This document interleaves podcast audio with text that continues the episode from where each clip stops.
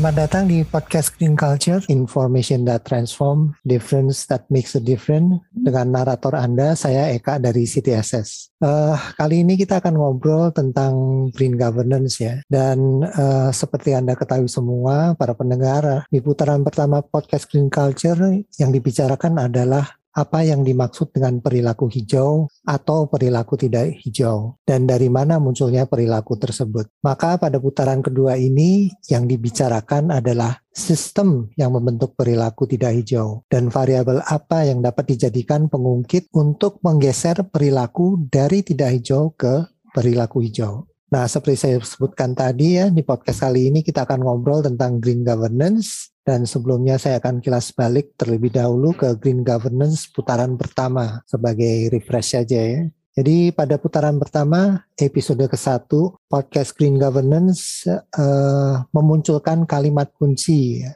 yaitu bergerak bersama secara terbuka atau secara transparan untuk menggagas perilaku hijau sebagai definisi tata kelola hijau. Pada episode kedua podcast Green Governance muncul kata kunci literasi. Literasi adalah kunci untuk membangun keterbukaan atau transparansi sebagai underlying principle tata kelola hijau. Nah, tata kelola hijau yang telah disebutkan tadi saat ini dirasakan masih langka ya. Masih langka dalam arti pemahaman yang sama dan juga penerapannya. Jadi pemahamannya mungkin masih bervariasi dan juga penerapannya mungkin masih tidak konsisten ya. Memang ada beberapa success story tata kelola hijau, namun pembelajaran dari success story tersebut belum meluas sehingga success story tersebut masih berada dalam skala lokal atau terbatas di skala lokal saja. Dengan demikian, perlu pendalaman dan perluasan pengetahuan mengenai tata kelola hijau yang antara lain adalah melalui podcast ini. Pada putaran pertama podcast Green Governance telah disinggung bahwa literasi merupakan elemen atau faktor penting dalam tata kelola hijau. Literasi membawa transparansi dan melalui transparansi diharapkan lahir tata kelola hijau dengan pengertian tata kelola hijau adalah bergerak bersama untuk menggagas perilaku hijau. Demikian kira-kira pemikiran tata kelola hijau dari putaran pertama podcast Green Governance. Nah, kemudian bila pengertian tata kelola hijau tadi diuraikan sebagai sebuah proses sebab akibat, maka uraiannya akan kurang lebih seperti ini. Tata kelola hijau adalah gagasan bersama secara transparan yang melahirkan perilaku hijau. Gagasan bersama secara transparan ini dilakukan melalui proses open innovation. Nah, dengan demikian pertanyaan kunci di podcast Green Governance kali ini, yaitu putaran kedua episode pertama adalah uh, siapa yang memiliki kuasa dalam membuat keputusan hijau. Bagaimana keputusan itu dibuat? Nah, sesuai pertanyaan kunci, maka pembahasan di episode ini dibagi menjadi tiga. Yang pertama, siapa yang memiliki kuasa dalam literasi untuk membuat keputusan hijau. Yang kedua, bagaimana proses literasi dan keputusan tersebut. Yang ketiga, bagaimana membangun akuntabilitas proses tersebut. Dan hari ini seperti biasa, ditemani oleh host adalah Bu Damayanti, co-host adalah Mas Arief, dan narasumber Pak Salinan. Ya, saya persilahkan Bu Dami untuk memulai uh, percakapannya, ngobrolannya. Silakan. Oke, terima kasih Mas Eka. Selamat datang para pendengar. Selamat bertemu kembali pada podcast dengan tema Green Governance ya. Jadi kita sudah ngobrol dua kali ini sama Mas Arief waktu itu ya. Nah, sekarang kita punya um, mengundang narasumber baru. Jadi kita sapa dulu Mas Arief nih. Selamat pagi Mas Arief, apa kabar?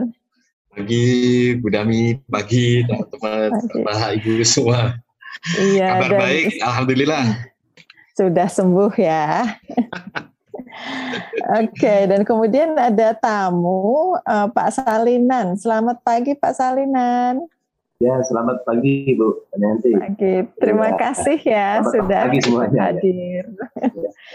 Oke, nah biar kenalan ini, jadi mungkin uh, ini ceritanya kan host co-host itu uh, saya dengan Mas Arief nih. Jadi saya sama Mas Arief ini biasanya pingpongan berdua. Nah kali ini ada tamu Pak Salinan. Nah jadi untuk kita mengenal dulu tamu kita, mungkin kita mempersilahkan apa nih Mas Arief monggo kalau mau mengenalkan Pak Salinan, kemudian disambung Pak Salinan juga memperkenalkan diri. Mungkin Mas Arief dulu, monggo. Ya, ya, ya. Oke, terima kasih uh, atas waktunya. Jadi kemarin sempat ditanya, terus narasumber berikutnya siapa nih yang dikenal Kobos nih? ya kalau uh, soal literasi terus aksi bersama itu yang seperti yang disampaikan Pak Eka, saya berpikir kok uh, ada ada banyak cerita yang nanti kita harapkan bisa dari Pak Salinan ya. Uh, beliau seorang uh, apa saya itu bingung. Beliau ini seorang camat sebenarnya Bu. Tapi kayak seorang aktivis gitu kalau menjalankan tugasnya. Jadi Pak Salinan ini uh, seorang camat di Kecamatan Banyu Asin II dan mempunyai beberapa desa yang kebetulan desa ini berada di pesisir di kawasan muara Sungai Musi. Jadi kalau Muara Musi itu bayangan kita harusnya secara geografis ada di Sumsel sana, di Pulau Sumatera bagian timur, eh, pantai timur tapi agak ke selatan. Nah ada Pulau Bangka gitu. Coba diarahkan ke sana dan pikiran kita dan di sana ada muara yang menghadap ke Selat Bangka dan ada pemukiman yang sangat padat dan seolah-olah menjadi terminal dari sampah yang mengalir di Sungai Musi di ujung itu. Jadi wow. orang yang buang sampah mulai dari Semendo sana di atas di pegunungan Dempo di kota Palembang mengalir terus ke arah Selat Bangka dan numpuklah di hmm. perkampungan yang namanya perkampungan Sungsang. Sungsang. Iya.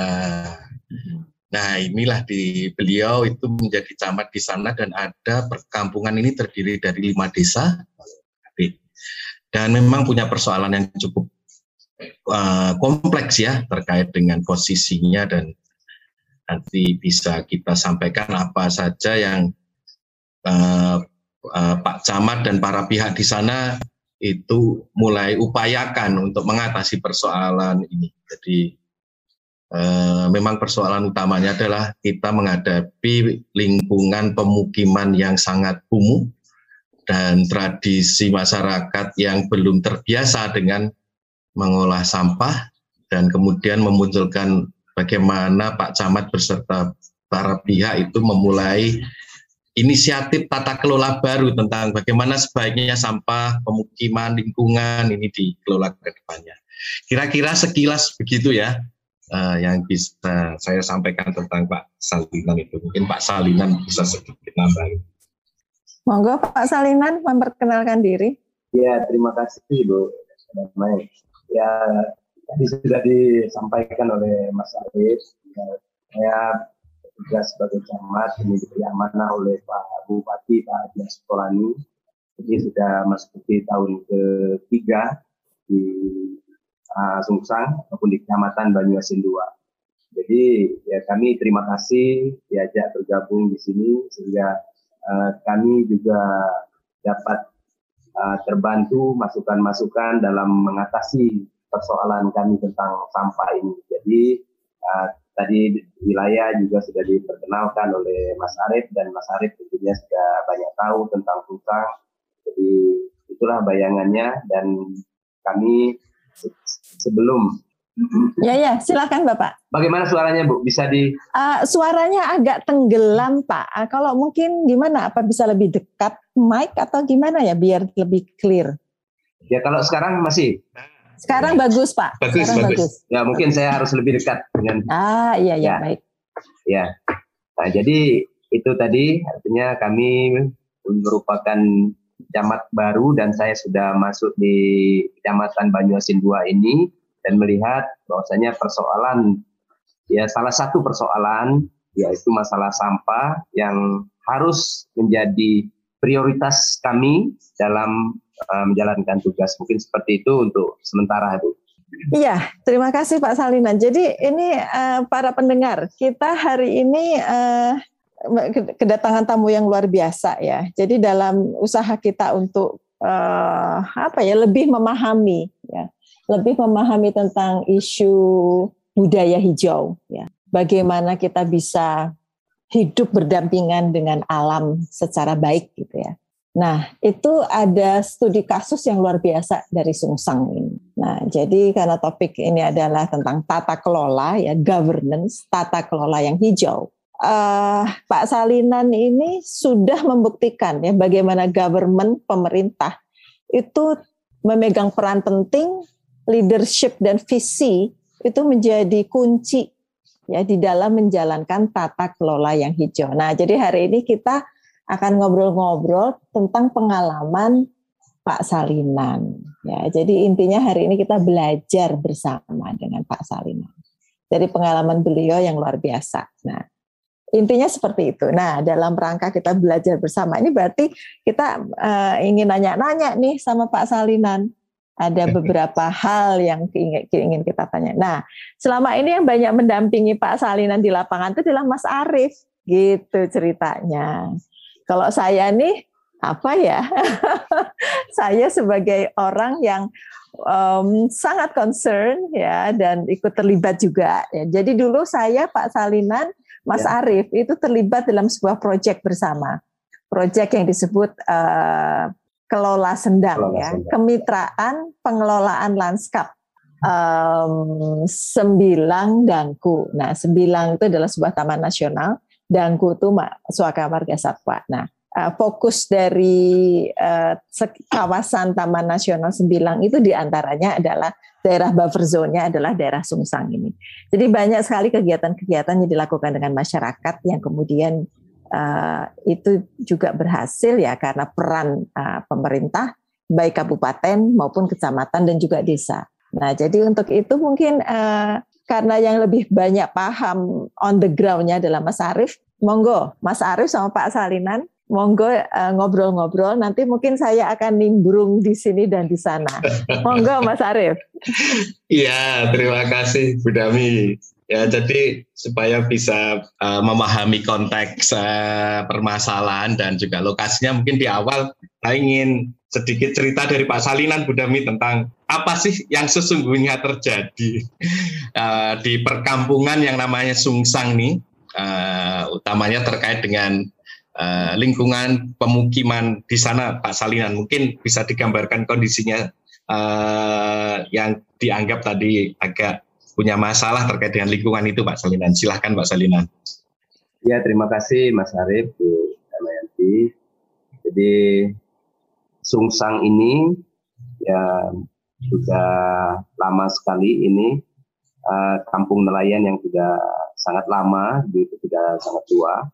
Nah, jadi memang punya permasalahan tentang sampah ini karena memang di masyarakat Sungsang sendiri sebagian besar bahwasanya menganggap bahwa sampah itu bukanlah suatu masalah. Jadi ketika membuang sampah ke bawah rumah karena rumahnya rumah panggung, ya. Jadi kalau misalnya sudah memasak mie instan, kemudian langsung saja dibuang di jendela, jatuh di bawah, itu hal yang biasa dan tidak langsung menimbulkan dampak bagi masyarakat di sana. Jadi ini dianggap bukan bukan masalah seperti itu. Jadi uh, ini berlangsung bertahun-tahun, mungkin berpuluh tahun sampai ratusan tahun, sehingga sampai saat ini sampah itu menumpuk di bawah-bawah rumah, di sela-sela apa namanya pemukiman, uh, sehingga ketika mereka ingin membuat rumah baru seperti itu, ketika mengeduk tanah itu di bawah itu, itu sampai satu meter sampai satu sampai hampir dua meter itu masih uh, sampah plastik yang ada, yang digali itu yang ditemukan adalah sampah-sampah plastik. Nah, oh, jadi, sampai 2 meter itu, Pak? Ya, sampai hampir 2 meter itu ada. Kita lihat sampai 2 meter itu hanya sampah, isinya belum ketemu tanah ya, seperti itu. Ya. Nah, jadi jadi seperti itu. Nah, sementara tadi sudah disampaikan Mas Arief, ya dengan pemukiman yang sangat padat boleh dibilang, ya karena jaraknya uh, sekitar 3 km panjang kampung atau kampung nelayan ini 3 kilo sampai 4 km dan lebarnya mungkin sekitar 1 km. Ini dihuni kalau sekarang ini data terbaru kami ini penduduknya ini sekitar 25 ribu uh, 25.071 jiwa. dengan KK ini 6.333 KK. Ini yeah. sangat padat sekali sehingga berbagai persoalan ya baik persoalan sosial ya juga termasuk persoalan sampah. Karena ketika 25.000 jiwa ini atau 6.330 KK ini setiap hari membuang sampah plastik ya tentu akan semakin bertambah terus ini apa namanya sampahnya sehingga bisa menimbulkan berbagai dampak ya baik secara kesehatan kemudian juga uh, mungkin lingkungan kemudian juga secara estetikanya seperti itu ya. Pak. Ya. Jadi kalau yang coba saya highlight Pak Salinan ini membuang sampah sembarangan itu adalah tradisi ratusan tahun atau puluhan tahun lah ya sehingga ya sampai... mungkin ya mungkin ini Mas Arief bukan juga ya. dibilang tradisi tapi ya sudah jadi kebiasaan itu kebiasaan jadi, ya bukan juga tradisi ya ini hubungannya dengan kultur atau literasi tadi yang disampaikan ya. Pak Eka jadi membuang sampah langsung keluar dari rumah dari pintu dari jendela itu belum dianggap sebagai sebuah masalah gitu ya Pak Camat ya? Ya betul. Ya sehingga itu menyebabkan akhirnya tertumpuk. Yang penting nggak terlihat waktu ada di dalam rumah ya. Ya betul. Jadi waktu dibuang itu ya. dia hanyut, artinya ya. tidak ya. berada di saat dia membuang. Tetapi membuang. resikonya itu kan ya. artinya bisa menumpuk di hilirnya di tempat air di mana dia mengalir. Iya. Nah, seperti salah satu contoh di halaman kantor kecamatan itu sendiri. Iya. Ya, kita misalnya pagi ini kita bersihkan sampah kita buang kita ya. apa namanya kita bersihkan sorenya ya. pasang itu menumpuk ya. kembali seperti itu. Oh. Nah, jadi ada kiriman seperti itu. Jadi mungkin ya. pada saat membuang mereka tidak jadi masalah, tetapi jadi masalah di tempat lain seperti itu masalah. Iya, iya, saling kirim mengirim sampah. Iya, seperti itu. Ya, ya, ya. Kak, nah, kemudian ini kan sudah berpuluh-puluh tahun terjadi. Dan seolah-olah tidak ada perubahan apa kebiasaan itu. Nah, kok bisa dalam beberapa uh, tahun terakhir ini ada semacam angin perubahan gitu, Pak? Apa yang menyebabkan eh, kemudian semacam muncul angin perubahan ada beberapa titik kami lihat ingin bergerak untuk mulai memikirkan sampah ini bagaimana nah itu apa pemicunya Pak Salinan ya pertama tentu saya secara pribadi uh, melihat keadaan yang seperti ini setelah kami apa namanya bertugas di Sungsang ya kami identifikasi permasalahan salah satunya adalah masalah sampah. Ya, kemudian juga yang pada saat ini juga bahwasanya uh, peduli terhadap sampah ini salah satu gerakan Bupati Banyuasin uh, dari 12 gerakan bersama masyarakat salah, salah satunya adalah gerakan peduli sampah. Ini baru dicanangkan beliau dan kemudian juga kami uh, mendapatkan berbagai macam apa namanya masukan-masukan dan juga keluhan dari pengunjung yang berkunjung ke Sungsang, baik okay. itu wisatawan maupun juga uh, kunjungan misalnya kunjungan dinas ataupun kunjungan-kunjungan lainnya. Bahwasanya okay. selalu memberikan masukan, keluhan, oh sampahnya kan seperti itu. Ya termasuk juga wisatawan yang ingin misalnya membeli produk UMKM seperti tempe okay. dan lain sebagainya dan itu agak memberikan masukan supaya sampahnya dong, tolong dong Pak Camat seperti itu. Ya. Lebih karena ada pemicu dari eksternal ya Pak Salinan ya? Iya dari eksternal, lebih okay. lebih dari eksternal. Tapi okay. Pak Salinan, kalau dari segi kondisi kesehatan masyarakat sendiri gitu, apakah ada pengaruh dari sampah itu terhadap kondisi masyarakat di sekitar? Uh, secara uh, kami belum mendapatkan hasil apa namanya mungkin penelitian dan lain sebagainya, tapi mm-hmm. patut diduga kira-kira seperti itu kan? Ya karena hampir setiap tahun ini kan ada di musim-musim tertentu ada uh, diare seperti itu penyakit diare yang mm. secara ini kadang kadang-kadang misalnya di musim-musim tertentu ini tadi sampai puskesmas kewalahan seperti itu. Mm-hmm. Ya.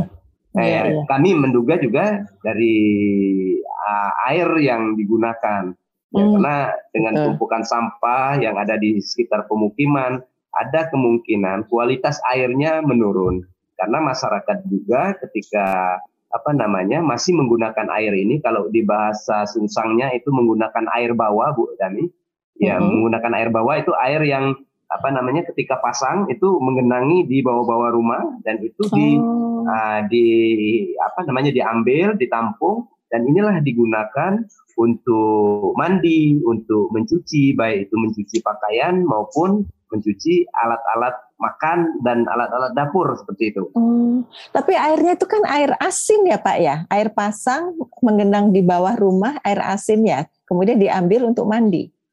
Uh, di waktu-waktu tertentu memang asin bu, tetapi ini kan kita di muara di muara Sungai Musi, ah. ketika memang air dari sungai oh, ini oh, oh, tidak oh, oh, asin. Oke oke oke. Di waktu-waktu ya, ya, ya. tertentu benar, benar. air okay. laut masuk asin bu gitu. Oke, jadi beda-beda ya. Oke. Okay. Ya.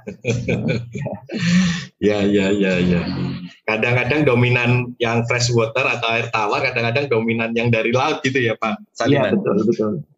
Oke, jadi nah, dan, dan ini masih digunakan ya mungkin kalau untuk minum uh, mungkin tidak lagi karena persediaan air hujan maupun air isi ulang eh, isi ulang itu masih masih ada. Tetapi kalau untuk uh, cuci, untuk mandi ini digunakan terutama masyarakat kita yang menengah ke bawah secara ekonomi ya pasti menggunakan ini.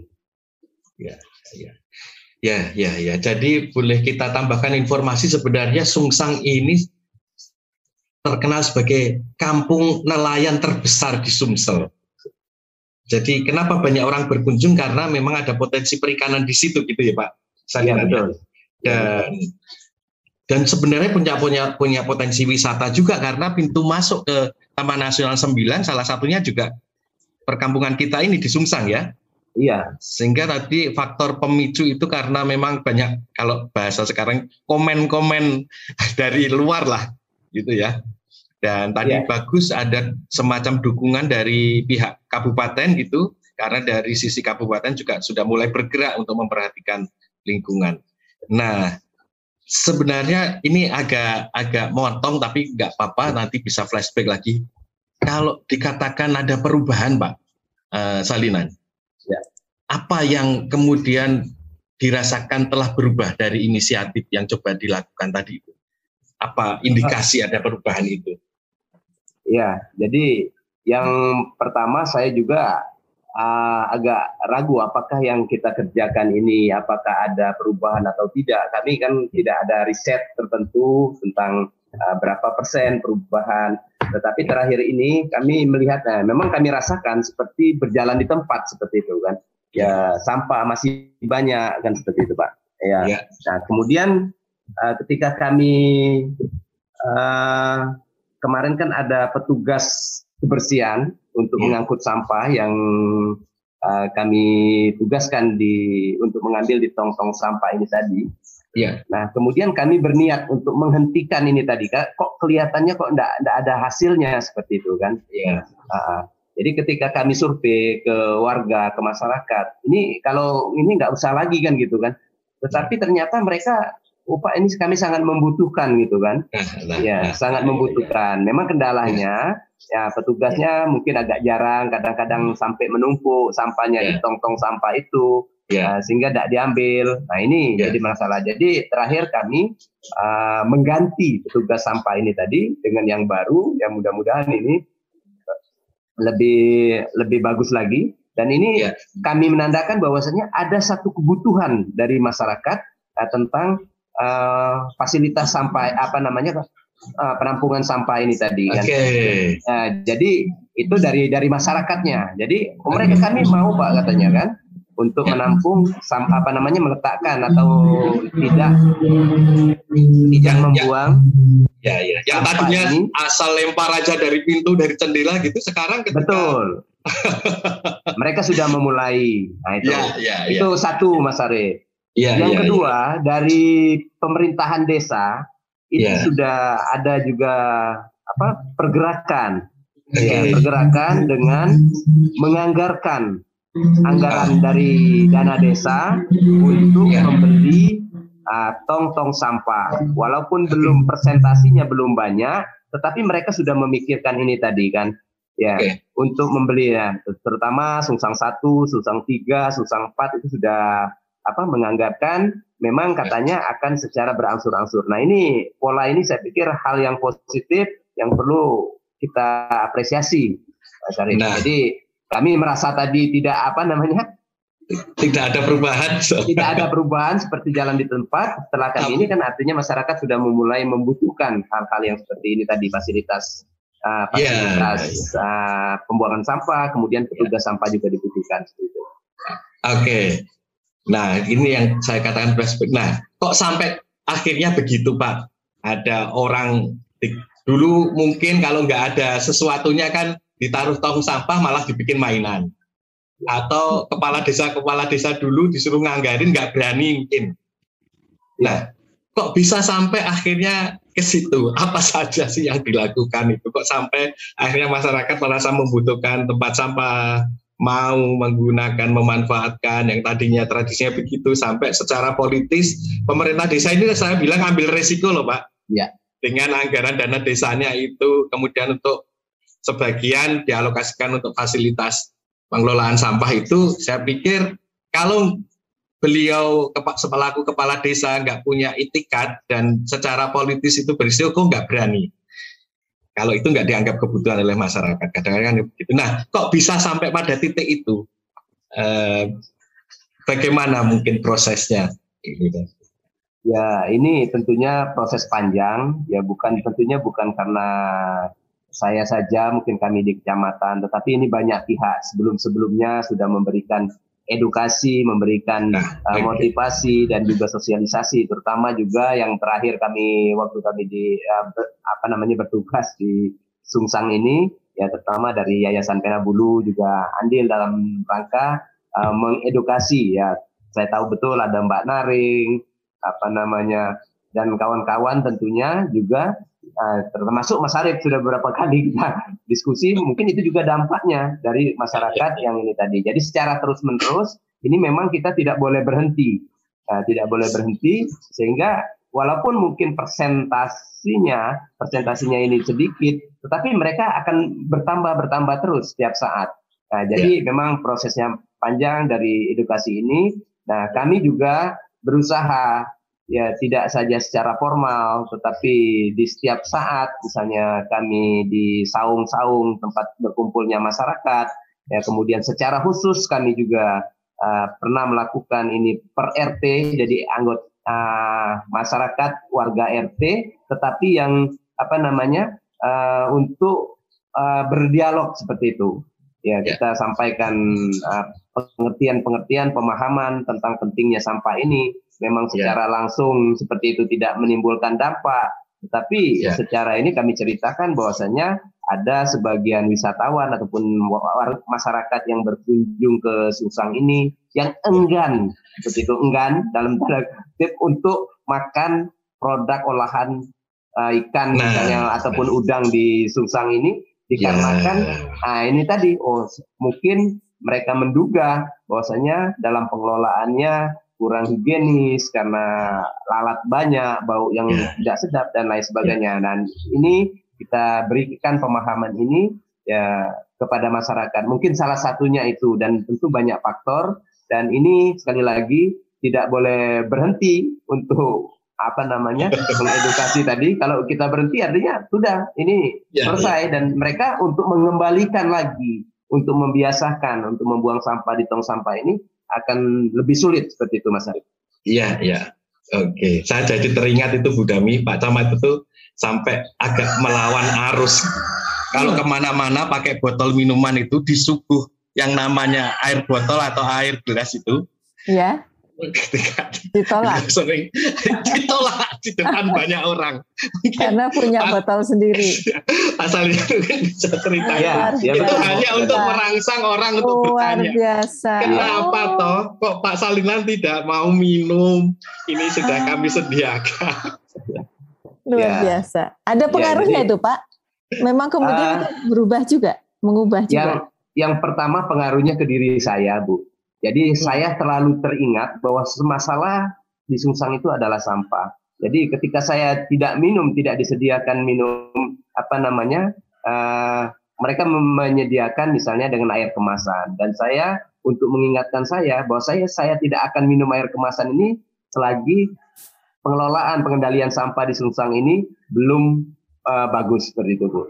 Jadi ini untuk mengingatkan saya. Nah, ini juga bahan sosialisasi. Jadi ketika ada persedekahan, mereka pasti pada sibuk untuk menyiapkan minum seperti itu kan. Jangan minum air kemasan seperti itu. Kenapa? Karena Pak Camat tidak mau nambah sampah di Sungsang ini kan. Jadi ini sebagai bahan sosialisasi kami juga hmm. kepada masyarakat dan mengingatkan saya bahwa masalah ini belum selesai seperti itu kan.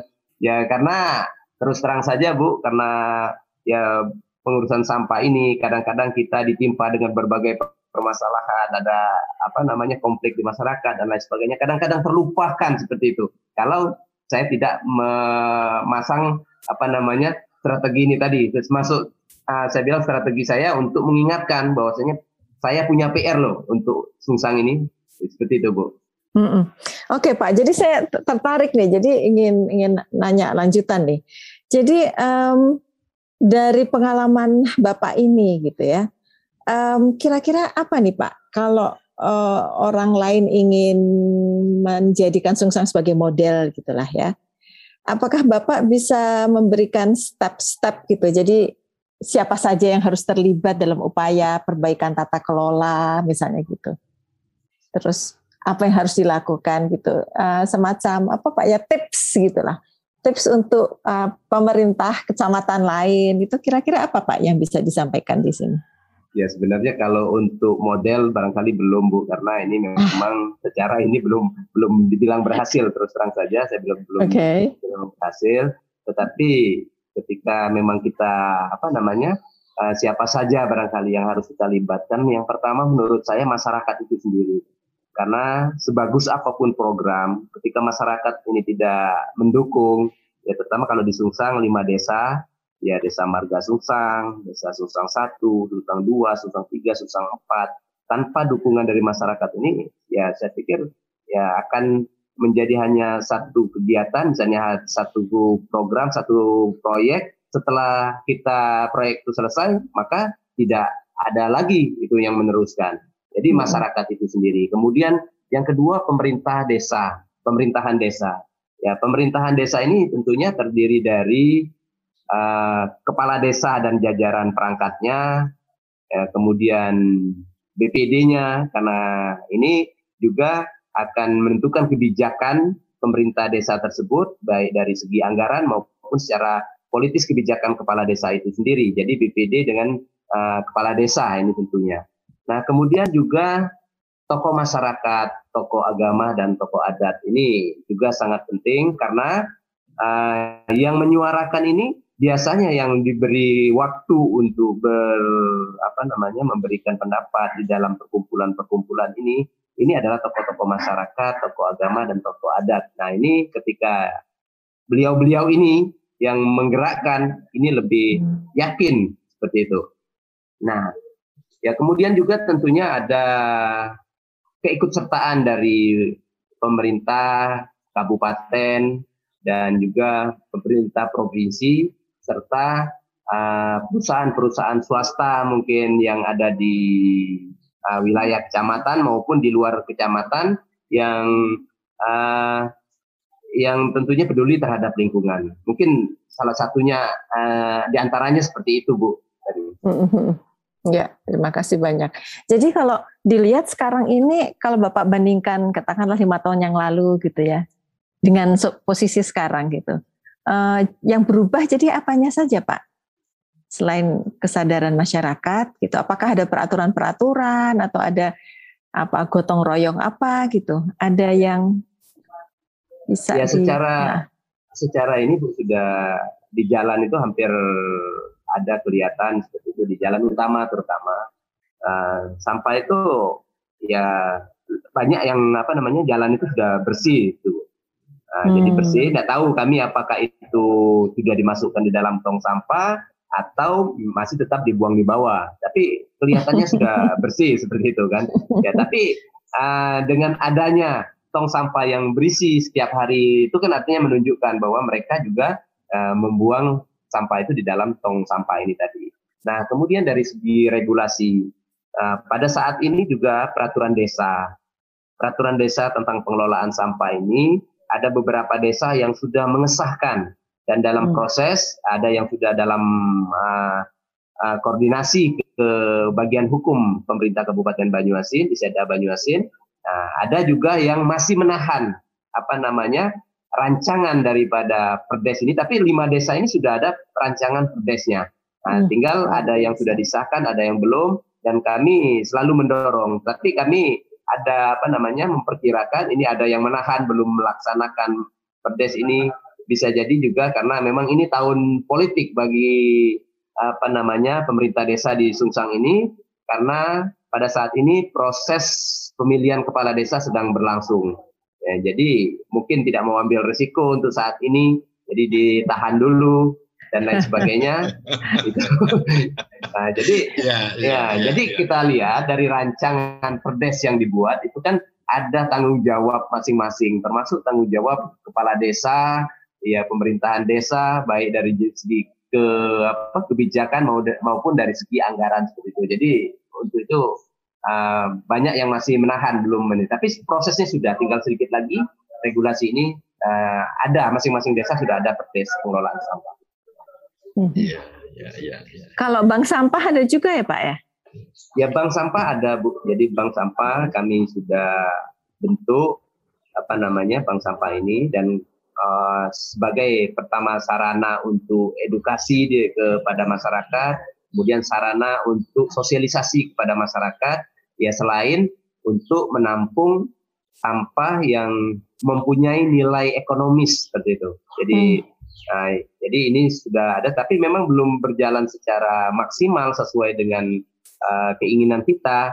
Tetapi ini iya. sudah mulai dan kita hmm. kemarin untuk mensosialisasikan untuk mem, apa namanya memotivasi masyarakat sampai-sampai dari Pak Bupati juga memberikan apa namanya uh, undian sepeda motor untuk bagi apa namanya diundi satu tahun itu uh, kepada masyarakat ataupun nasabah bank sampah ini diundi satu tahun. Nah ini untuk sosialisasi dan motivasi masyarakat. Hmm, Oke, okay. luar biasa. Oke Mas Arief, kalau dilihat waktunya, waktunya yeah. hampir hampir habis. Mungkin Mas Arief mau menanyakan satu pertanyaan terakhir atau bagaimana? Silahkan. Iya iya iya. Jadi uh, saya kalau agak reflektif terhadap cerita atau ya bisa dikatakan inilah bagian dari literasi kalau istilahnya Pak Eka tadi itu. Jadi mm -hmm. yang penting yang disampaikan Pak salinan tadi adalah bagaimana mengedukasi itu kita tidak uh, tidak ada henti-hentinya. Terus yang menarik yang namanya ngurusin lingkungan sampah itu yang menarik tadi itu ada bergening politik juga ternyata di di pemerintahan desa. Artinya uh, di level bawah anggaran untuk publik itu memang ada di dana desa dan di situlah memang uh, apa ya bahasa agak apa ya ada pertarungan budget publik untuk dalam dalam konteks governance ini untuk bagaimana mengakselerasi agenda-agenda lingkungan. Nah, uh, kalau melihat prosesnya tadi kan para pihak sudah diajak, proses edukasi sudah ada perubahan sedikit banyak sudah uh, nampak.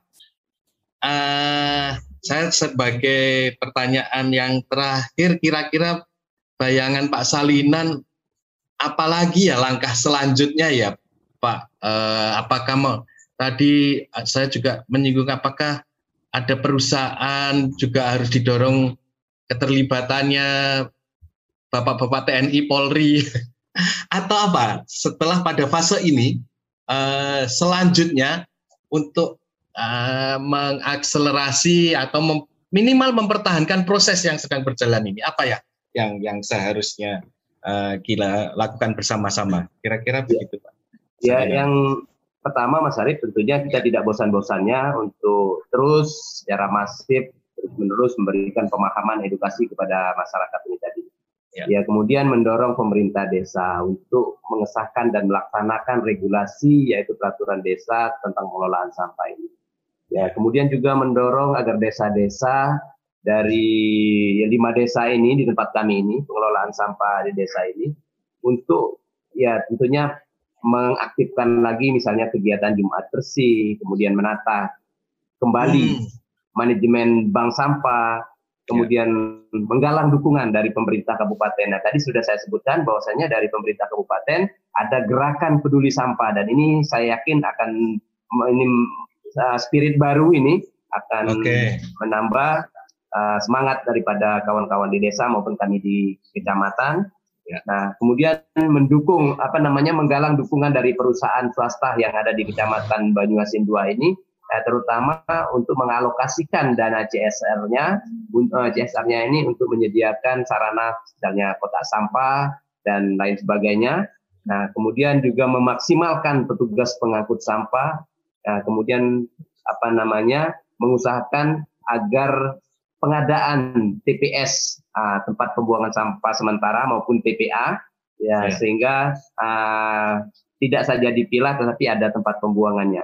Ya kemudian ya. Uh, mengadakan alat angkutan sampah. Nah, ini yang tentu uh, perlu juga karena residunya juga perlu tidak habis artinya di bank sampah, tetapi pasti ada sisanya. Kalau selama ini mungkin belum ada ini residunya dibakar misalnya atau dibuat apa namanya uh, uh, pupuk organik. Nah ini juga. Dan yang terpenting lagi adalah untuk menyemangati ini tadi uh, mengembangkan konsep sungsang kampung budaya pesisir yang bersih ini. Ya ini yang perlu oh, digaung-gaungkan Pak. Ya kepada ya, ya, masyarakat ya. ini. Okay. nah, itu. Itu mungkin antara lain Mas Arif dan Bu Damayanti. Iya Oke, okay, terima kasih banyak ini Pak Salinan uh, apa sharing informasinya luar biasa.